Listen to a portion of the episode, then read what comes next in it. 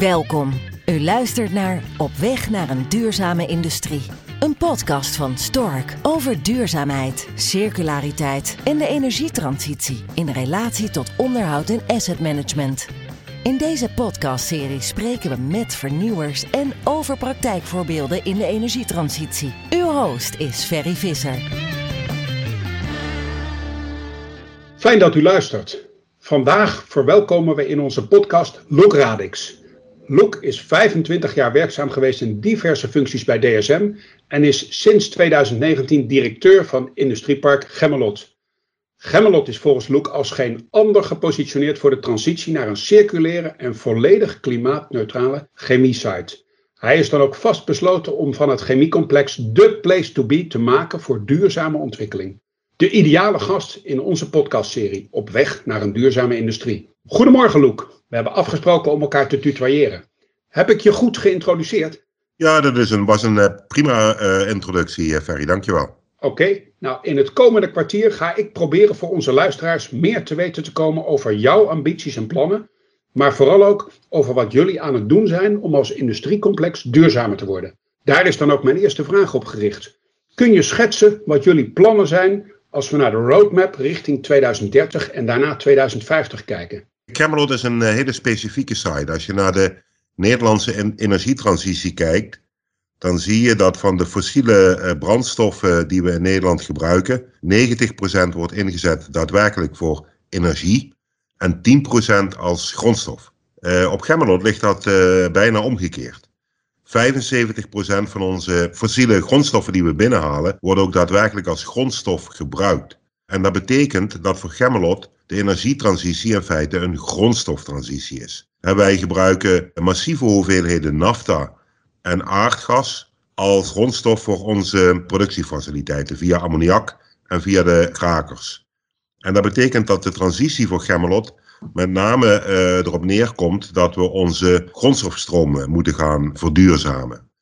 En dan hebben we natuurlijk als voordeel dat Gemmelot een systeem is. Een groot geïntegreerd geheel waarbij uh, de fabrieken aan elkaar hangen.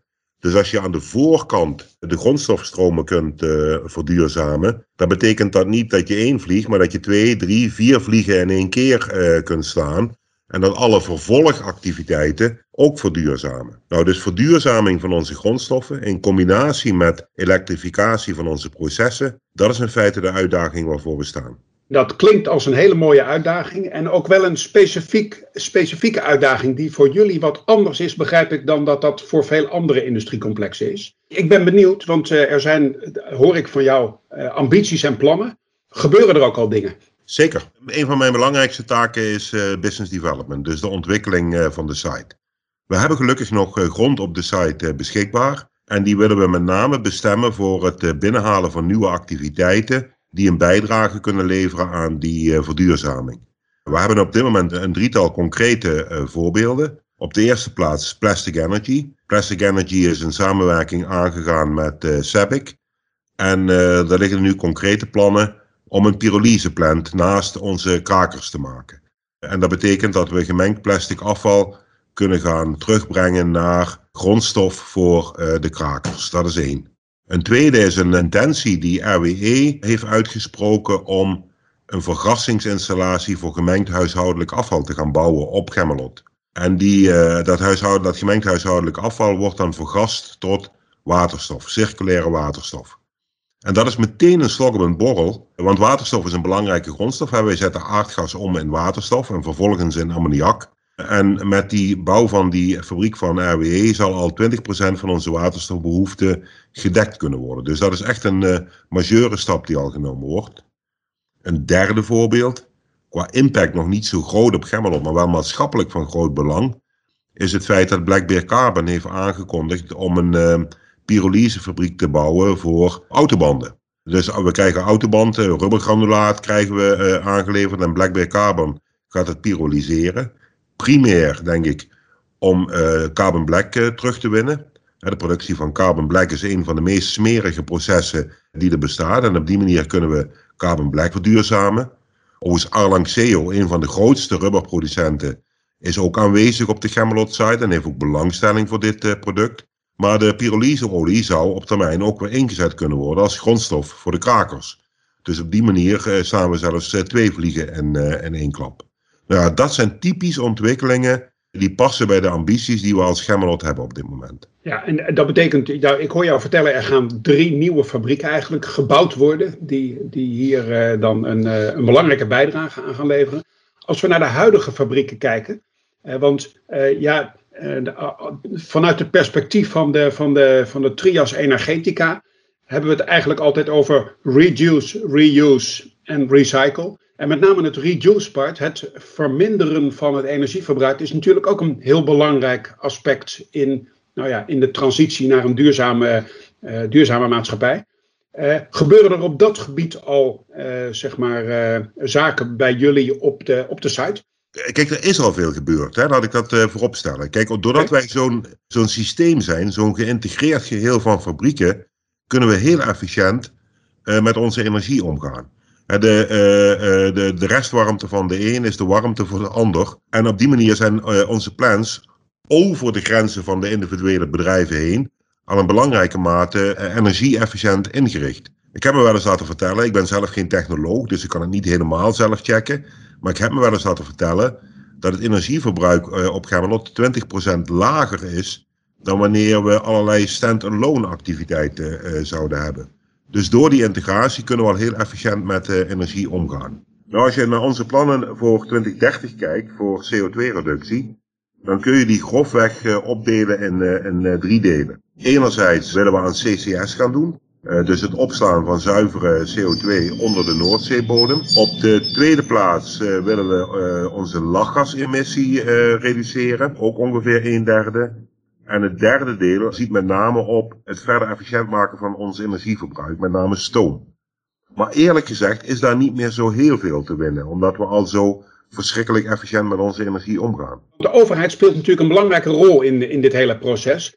Is dat ook voor jullie een partij waar die invloed uit oefent of uit kan oefenen op, uh, op zeg maar deze hele transitie die jullie ondergaan? Nou ja, de, uh, zeker. Uh, kijk, we worden in Nederland natuurlijk geconfronteerd met zware lasten voor het bedrijfsleven. Op de eerste plaats CO2-heffing. Aan de andere kant opslag voor duurzame energie. Met name onze aardgasgebruikers hard raakt. en daarnaast zijn er allerlei faciliteiten. Wat ons niet helpt, is dat het allemaal redelijk generieke maatregelen zijn. Dus zowel aan de stok als aan de wortelkant zijn het redelijk generieke maatregelen. Terwijl ik juist heb uh, proberen duidelijk te maken dat Gemmelot juist een hele specifieke situatie is. Dus wij zouden wel behoefte hebben aan een industriebeleid dat veel meer op maat is van waar de industriële clusters behoefte aan hebben. Dus dat er een programmatische aanpak, om het zo maar eens te zeggen, dus zowel aan de plus- als de minkant richting Gemmelot uh, uh, zou komen. En we zijn nou aangewezen op redelijk generieke maatregelen. En dat, dat helpt ons niet echt. Nou, een, een, van de aspecten daarvan is met name onze sterke focus op duurzaamheid. op recycling van gebruikte uh, materialen. Dat leidt niet tot een CO2-reductie op Gemmelot. Dus daar zit geen enkele stimulans om dat, uh, om dat verder te brengen. Dat is de zogenaamde scope 3-discussie. En wij voorkomen dat plastics verbrand worden door heel Europa.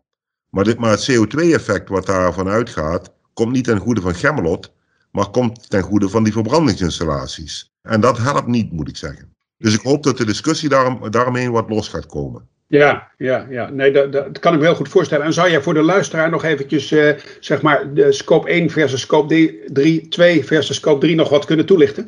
Nou ja, scope 1 is uh, de, de directe uitstoot op de site zelf. Ja. Uh, ik doe het heel kort, hè. Scope 2 ja, graag. is de uitstoot bij de, de elektriciteitsproductie met name. Ja. En scope 3 is de verwerking van het afval op het einde van de levenscyclus. Juist, juist, juist. En wij proberen juist integraal te kijken naar zowel scope 1, 2 als 3. Want kijk, die CO2-moleculetjes, die kun je niet van elkaar onderscheiden op het eind van de dag. Nee, nee, nee, dus juist die integraliteit, daar leveren jullie een belangrijke bijdrage aan. En daar word je niet altijd voor beloond als je kijkt naar hoe het overheidsbeleid daarmee omgaat. Precies, ja. Helder, helder.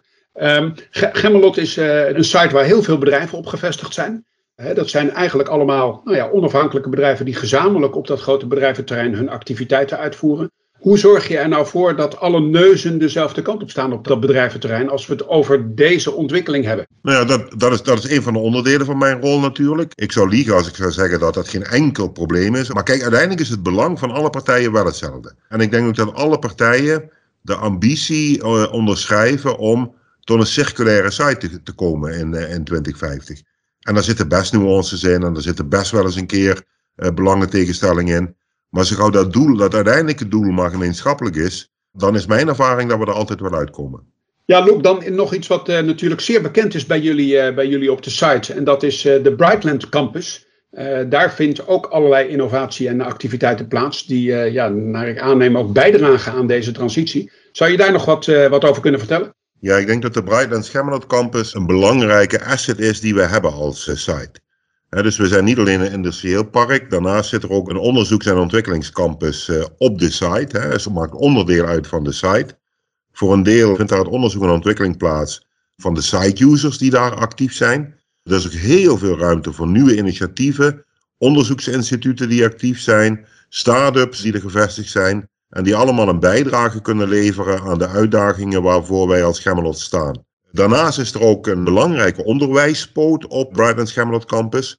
Dus zowel uh, Universiteit Maastricht op academisch niveau, Hogeschool Zuid op HBO-niveau, maar ook Vista College op MBO-niveau. Uh, hebben onderwijsfaciliteiten op Gemmelot. Dat zal ons zeer helpen, denk ik, in de toekomstige personeelsbehoeften die we hebben. Hè. Onze bezetting is op dit moment relatief oud. We hebben ook nieuwe kennis nodig, uh, nieuwe ontwikkelingen nodig. En de Brightlands Gemmelot Campus kan daar een, eh, een belangrijke bijdrage in gaan leveren. Zijn er zaken die jij de, de luisteraars aan deze podcast, en we gaan ervan uit dat dat dan ook andere industriële bedrijven zijn, mee zou willen geven vanuit de ervaringen van Gemmelot? Van denk daaraan, dat is laaghangend vooruit, of dat zijn zaken waar je eerst aandacht aan moet besteden? Het nationale beleid is er nu op gericht om tot een bepaalde doelstelling te komen, ook, ook het Europese beleid, in 2030. Uh, maar in 2030 houdt de wereld niet op. Dus wat wij hebben geprobeerd is te bekijken of we dat in de context van de lange termijn ambitie uh, willen plaatsen. Dus uiteindelijk zullen we allemaal naar nul moeten. In 2050 moeten we op nul zitten. Ja. En, en in dat perspectief moet je ook de korte termijn maatregelen zien. Om te voorkomen dat je pennywise pound foolish bezig bent. Dus je kunt wel maatregelen nemen om uh, in 2030 tot min 50% te komen. Maar als dat geen serieuze stap is in de richting van nul, ja, dan zou je dat moeten heroverwegen, denk ik. Dus je moet die twee horizonnen wel, wel met elkaar verbinden en in, in elkaars perspectief kunnen zien. Klinkt heel logisch. Nou, nou, nou zit Gemmelot in een hele internationale context. Hè. Het zijn eigenlijk allemaal internationale bedrijven die bij jullie op de, op de site zitten. En daarnaast nou ja, zitten jullie ook nog op een steenworp afstand van Duitsland, van België. Speelt dat nog een rol bij uh, de ontwikkelingen die jullie, uh, die jullie doormaken? Uh, die internationale context? Voor geen enkel bedrijf, bijna geen enkel bedrijf op Gemmelot, is Gemmelot ook daadwerkelijk de thuisbasis. de plek van waaruit de beslissingen genomen worden. Hoofdkantoren zitten allemaal elders, voor een deel zelfs buiten Europa.